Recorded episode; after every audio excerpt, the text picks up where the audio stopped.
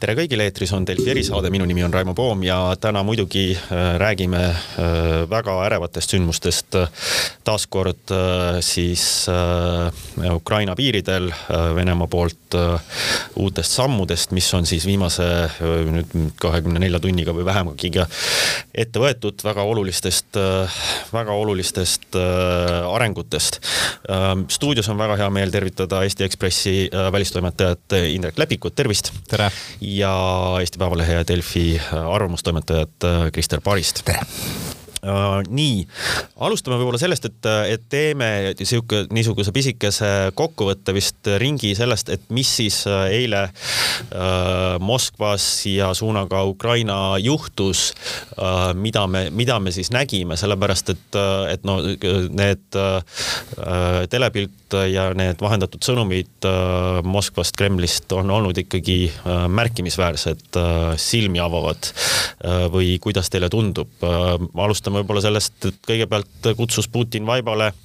siis oma julgeolekunõukogu äh, ja, ja lasi neil mitu tundi äh, teha seal ettekandeid, kuidas tuleks siis need isehakanud vabariigid, äh, Luganski rahvavabariik ja Donetski vaba rahvavabariik siis tunnustada Venemaa poolt. mis teile sealt silma jäi? Minu meelest see oli nagu sihuke hea stseen kuskilt äh, maffiafilmist, et äh, väga veider on näha julgeolekuteenistuse juhti siin siis ütleme välisluure puhul Narõškinit, kes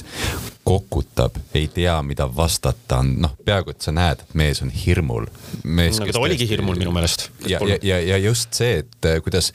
kuidas Putin tegi ikkagi selle klassikalise kuritegeliku organisatsiooni võtte, et ei, tema üksi ei otsusta, vaid talle tulevad nüüd need käskjalad ütlema siis, et selgitage mulle, mida ma võiksin teha ja siis nad kõik tulevad ütlema, eks ole, ja see on ju märkimisväärne tegelikult, et see julgeolekunõukogu üldse niimoodi üle kanti. küll me oleme vist teada saanud, et tegelikult see otsepildis ei olnud, kui vaadata eh, Šoigu käekella, aga sellegipoolest, et, et selline kollektiivne vastutus eh, Putini siis eh, suurushullustusele. eks me näeme jah, sellist koreografeeritud etendust niisamuti nagu mõned päevad tagasi, kui kutsuti üles inimesi evakueeruma Donetskist või noh, ehk siis küüditama neid siis ju ka oli see salvestus tehtud ju mitu päeva varem, et ka, ka seesama see etendus oli siis umbes viis tundi, tundi varem, kui ta tegelikult eetrisse lasti. mis oli huvitav selle juures oli ju see, et, et jah, oli sellist kokutamist ja just nagu nii-öelda inimesed äh, mõtlesid koha peal, et ei tea, mida peaks ütlema. Ja minu meelest isegi tundus, et ega nad nii mõnigi, kes ütles jah, tegelikult oleks võib-olla mingis teises riigikorras öelnud ei. Ja lõpuks oli ju minu meelest oli hääled olid umbes kümme jah ja kolm, et no ei tea, vaatame veel, mõtleme, et ikkagi peaaegu et demokraatlik maffia nojah, see oleks vist liialdus öelda, et aga noh, sealt edasi hakkasid sündmused, läksid väga kiiresti edasi, sellepärast et siis kuulutati välja Putini erakorraline telepöördumine, mis, mis omakorda ju noh ütleme niimoodi, et äh, kui ma vaatasin selle reaktsioone, mis sellel olid, siis ikkagi ähm, ka neil, kes võib-olla olid veel midagi heietanud, lootusi, et kuskil on mingisugune äh, diplomaatia ja, ja, ja nii edasi, siis äh, noh, ikkagi pidi väga selgeks saama see, et, et Putin äh, ise vist ikkagi usub kogu seda, seda äh, niisugust äh, propagandat, mis on siis äh, Ukraina suunas püsti pandud et ja, ja seda ajaloo narratiivi ähm, seda oli, seda oli ikka päris õudne kuulata. jah, see on väga huvitav minu meelest, et ta küsis seal julgeolekunõukogus ettepanekuid, siis oli tal juba järsku see, kaua see kestis, üks poolteist tundi või see kõne. see oli tal juba valmis ja siis olid kuskilt kaukaasid võtta, et siis neid rahvavabariike tunnustada, et selles mõttes see käis kõik nagu väga sujuvalt ja väga kiiresti. aga seda juttu ennast kuulata oli muidugi no erakordselt tüütu lihtsalt, et, et, et ma ütlen, et Macronil ja Scholzil näiteks, kes siin on rohkem Putiniga kohtunud, neil peab ikka kannatust olema, et seda jauramist kuulata ja ma, ma arvan, et me kõik oleme näinud eh, seda videoklippi sellest, kuidas Angela Merkel pööritab silmi, kui ta ühe korra seal kuskil, ma ei tea, kes siis mingi tippkohtumisel või konverentsil Putiniga vestleb, et, et see võis umbes nagu samasugune olukord olla, et, et äh, muidugi see teksti sisu, eks ole, me võime siin nagu naeruvääristada, et ilgelt tüütu on sihukest jama kuulata, aga, aga see on ikka päris, päris jõhker tegelikult, mida ta ütles, alustades sellest, et äh, Ukraina on tegelikult lihtsalt nii-öelda Lenini konstruktsioon ja, ja üleüldiselt äh, Ukraina äh, rahvas peab nagu tänulik olema Nõukogude Liidule, sellepärast et ukrainlastel endal mingit omariikluse traditsiooni ei olegi ja, ja noh, selles mõttes ikkagi selline hitlerlik, stalinlik jutt jah, mul hea, hea kolleeg Maalehest Argo Idian ütles selle kohta, et pärast kõne kuulamist oli tunne, nagu oleks klobida saanud. aga tõsi, tõsi ta on, et eks ta niimoodi sellisest noh, täiesti paralleelreaalsusest tuli, alates juba seda, et ma pole vist kuulnud nii palju viiteid Leninile ühe Vene riigijuhi suust pärast, pärast Gorbatšovi. või võib-olla isegi Gorbatšovi nii palju ei viidanud talle, aga no olemuslikult see kõne oli natuke nagu ebaloogiline. kõigepealt ta nagu... natuke ütled sa ei, ma, ma, ma püüan üldiselt Putin on minu meelest käitunud alati loogiliselt. omaenda sellisest kummalisest loogikast lähtudes, lähtudes oma nendest paralleeluniversumi eeldustest. aga see kõne noh, algas kõigepealt sellega, et jah, täpselt, et Ukraina loodi nagu Lenini poolt. siis ta rääkis, kui vilets Ukraina on korruptsioon, kujutage ette, Ukrainas on korruptsioon, no Venemaal küllap korruptsiooni ei ole. ja näete, tehased pannakse kinni ja ukrainlased töötavad välismaal ja, ja nii edasi ja nii edasi, kõik selline näitas, kui halb riik on ja kui mõttetus riik on ja miks seda riiki ei tohiks üldse seetõttu olemas olla, et inimestel laseb paha elada ja siis ta kuidagi jõudis noh, veel mingite kirjeldusteni, kuidas Ukraina valmistub tuumarünnakuks umbes Venemaa vastu või vähemalt valmis varu, varuma tuumarelvi. ja järsku oli järeldus, et järelikult me tuleme ja tunnustama Luhanskit ja Donetskit. no see ei ole nagu mingil määral selline otsene loogiline mm, tulem kogu sellest eelnevast jutust. nojah, sa Indrek ütlesid, et, et, et imestama panevalt, et tal oli kõne olemas ja ja need ukaasid olid olemas, aga ma siiski noh, ka, siin no kolleegid siin küsisid hommikul, et noh, et vaatasid ja kuidas, et noh, et nii edasi. Ja muidugi jälgisin, aga noh, ma siiski tuletan meelde, et, et see kõne, kui see nüüd tekst võtta, siis see, see oli suhteliselt palju. Äh, meenutame nüüd sellest eelmise aasta suvest need äh, artiklid, mis kirjutati äh, ja avaldati siis sellest nii-öelda Kremli käsitlusest Ukraina kohast ja nii edasi, et no see oli üks-ühele see selline suur šovinism, no see, see, see, kuidas öelda, see, see võib-olla see šokitunne oli pigem nagu sellepärast, et inimene on kaame-, vaatab kaamerasse ja räägibki seda juttu, et see ei ole lihtsalt ütleme kuskil nurga taga noh keegi pani midagi kirja, saatis välja, ihihi, niisugune sihuke propaganda asi. ja vaata no. ta kehakeelt, ta kogu aeg nagu ohkas, ma ei, ma ei, ma ei tahaks, no aga näe, peab, no peab su,, su, sunnitakse mind. nojah, eks ju, keegi teine ei sunni ähm,. aga no see tekitab muidugi selle küsimuse, et mis nüüd äh, edasi saab, sest et kohe me nägime nüüd äh, si-, Minski leppeid enam ei ole see on nüüd äh, fakt. Kohe me nägime siis äh, Vene vägede liikumist äh, Ukraina piiri tagant siis nendesse äh, okupeeritud aladele eks, ja no nüüd on küsimus edasi noh, mis, mis, mis nad siis plaanivad sellega, et, et noh, nad jõuavad sinna kontaktjooneni. Kas see tähendab mingisugust nii-öelda rünnakut sealt edasi, noh, mille üle suuresti siis spekuleeritakse, et, et kas siis nagu plaan on okupeerida oblastit täielikult, mis tähendaks noh, Mariupoli võtmist ja, ja sealt edasiliikumist, eks ju, et äh, või, või, või, või mis see, mis see plaan nüüd siis nüüd on, mida me näeme, mida see muutis? noh, Moskvast tulevad signaalid, mis, mille tõesuses me võime noh, ilmselt loogiliselt võttes kahelda. ütlevad, et ta praegu nagu hetkel loobunud sellest nende vabariikide tunnustamisest oblasti piirides, mida nemad nagu peavad enda selliseks loomulikuks alaks ja, ja noh, no võivad see koha peal öelda ilmselt kaaluda, et, et, et noh, Ukraina on just nagu okupeerinud siis poole nende territooriumist. noh, need signaalid võivad ju kiiresti, kiiresti muutuda. ehk siis, kui ma tahaksin olla optimist, siis ma ütleks, et Putin sai, mis tahtis, tal on need asjad käes ta kuulutab välja võidu ja konflikt vaikselt deeskaleerub. see optimism ei ole väga suur mul. see on, see on üks teooria, mida on, mida on ka jah räägitud, et, et Putin on sisuliselt noh, näinud, et tal ei tule välja, see suuremat sorti kampaania ei jää nagu külge ja siis nüüd selle, selle kas nende oblastite siis tunnustamise ja ametlikult vägede sisseviimise ja, ja sisuliselt siis ametliku okupeerimisega noh, kuulutada kuulutatakse siis võit välja, eks ju. no vaadates, kui uljas oli see eilne tekst, kui suur hulk Vene sõdureid on Valgevenes just piiri ääres, et see paneb mind küll kahtlema, et nende kahe niinimetatud rahvavabariigi tunnustamine on, on see lõppeesmärk, et et äh, ma arvan ka, et ainuüksi see oblasti piirideni jah, nende rahvavabariikide piiride laiendamine on ikkagi pigem plaan, sõltumata sellest, et jah, nüüd on siukseid vastukäivaid äh, sõnumeid tulnud selle kohta, et lõppkokkuvõttes, mida on Venemaa proovinud kogu selle aja, on ikkagi provotseerida seda, et Ukraina tulistaks vastu. ja see pole tingimata ju vajalik, me eile ju nägime lugusid, kuidas kaks Ukraina soomukit tungisid Venemaa territooriumile ja hävitati tankitõrjerelvadega, ühesõnaga neid asju saab alati tekitada, ja kust nad tungisid, väidetavalt siis okupeeritud aladelt, mida siis, äh, siis sealt äh, noh, äh, no absurdne,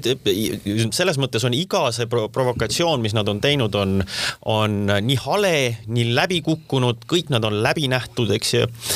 minu meelest seni ja ka isegi vaata need klipid, kuidas põgenevad umbes inimesed, ta oli sellised, ma ei oska öelda, kooli video tasemel kuidagi. ta, ta, ta vaata, oskab palju paremini. aga vaata, probleem on ikkagi selles, et äh, seda nagu näeme läbi meie ja vaatamegi, eks ole, et äh, Bellingcat lükkab siin mingeid asju ümber ja teised, kes siin nagu Osintiga tegelevad, aga äh, tavaline sihuke, ma ei tea, kuskil provintsilinnas elav venelane ei vaata seda niimoodi, tema jaoks on Vene televisioon, seal näidatakse, et äh, fašistid siin möllavad ja, ja tema jaoks on see piisav õigustus. ma, ma siiski ei, mina ei tunne või tähendab selles mõttes, et äh, äh, minu meelest on ka selle Venemaal äh, selle propaganda külge nii-öelda kleepimisega natukene, mitte natukene, vaid väga suuri raskuseid tegelikult, et ei, ma ei näe sellist ühiskondlikku vaibustust seal küll nagu äh,, nagu selle kaks tuhat neliteist äh, Krimmi äh, annekteerimise juure, juures, et. No ja vaata, Krõmm Naš oli palju parem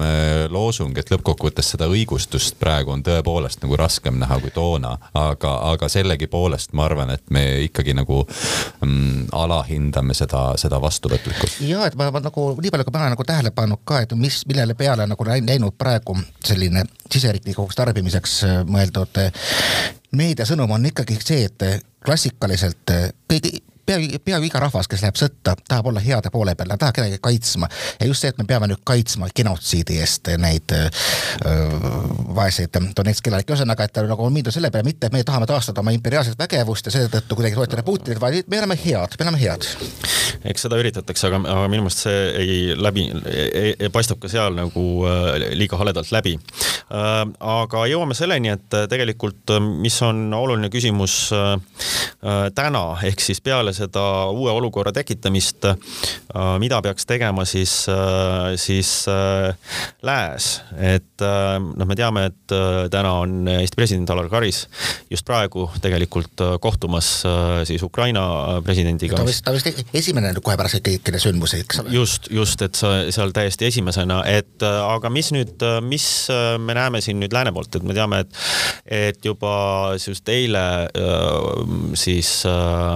Washington äh, andis teada väikeste sanktsioonide kavast, Euroopa Liit, äh, britid. Äh, kas see, kas see on piisav reaktsioon? minu arust nagu Biden on selle omale kogemata välja öeldud mõtte kohaselt käitunud, ehk siis, et kui väike invasioon, siis me peaaegu midagi ei tee, noh tulevad midagi, jätame need päris nii-öelda suured asjad, siis jätame siis, kui tuleb nagu suur asi. tookord sai ta hurjutada selle mõtte eest, et mis tähendab väike invasioon, aga noh, olemuslikult ta selle järgi on käitunud, ma saan aru, et ka Ameerika Ühendriikides endas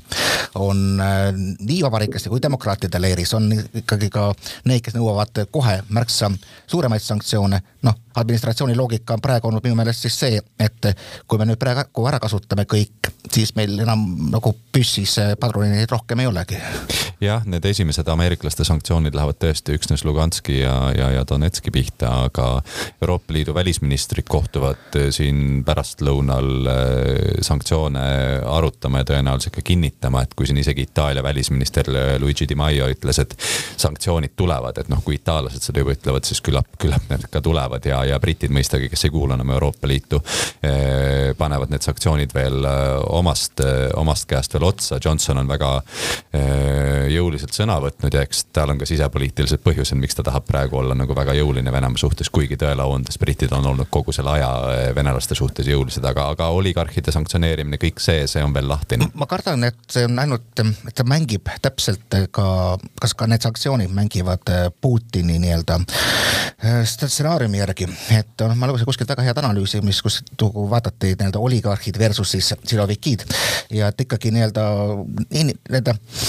teiste, nii-öelda teise eliidi ehk siis KGB välise eliidi äh, paikapanemine on üks osa sellest plaanist, ehk siis sundida nad kuuletuma praegu ehk siis, et Putin meelega laseb Moskva börsi põhja rubla, rubla põhja, et,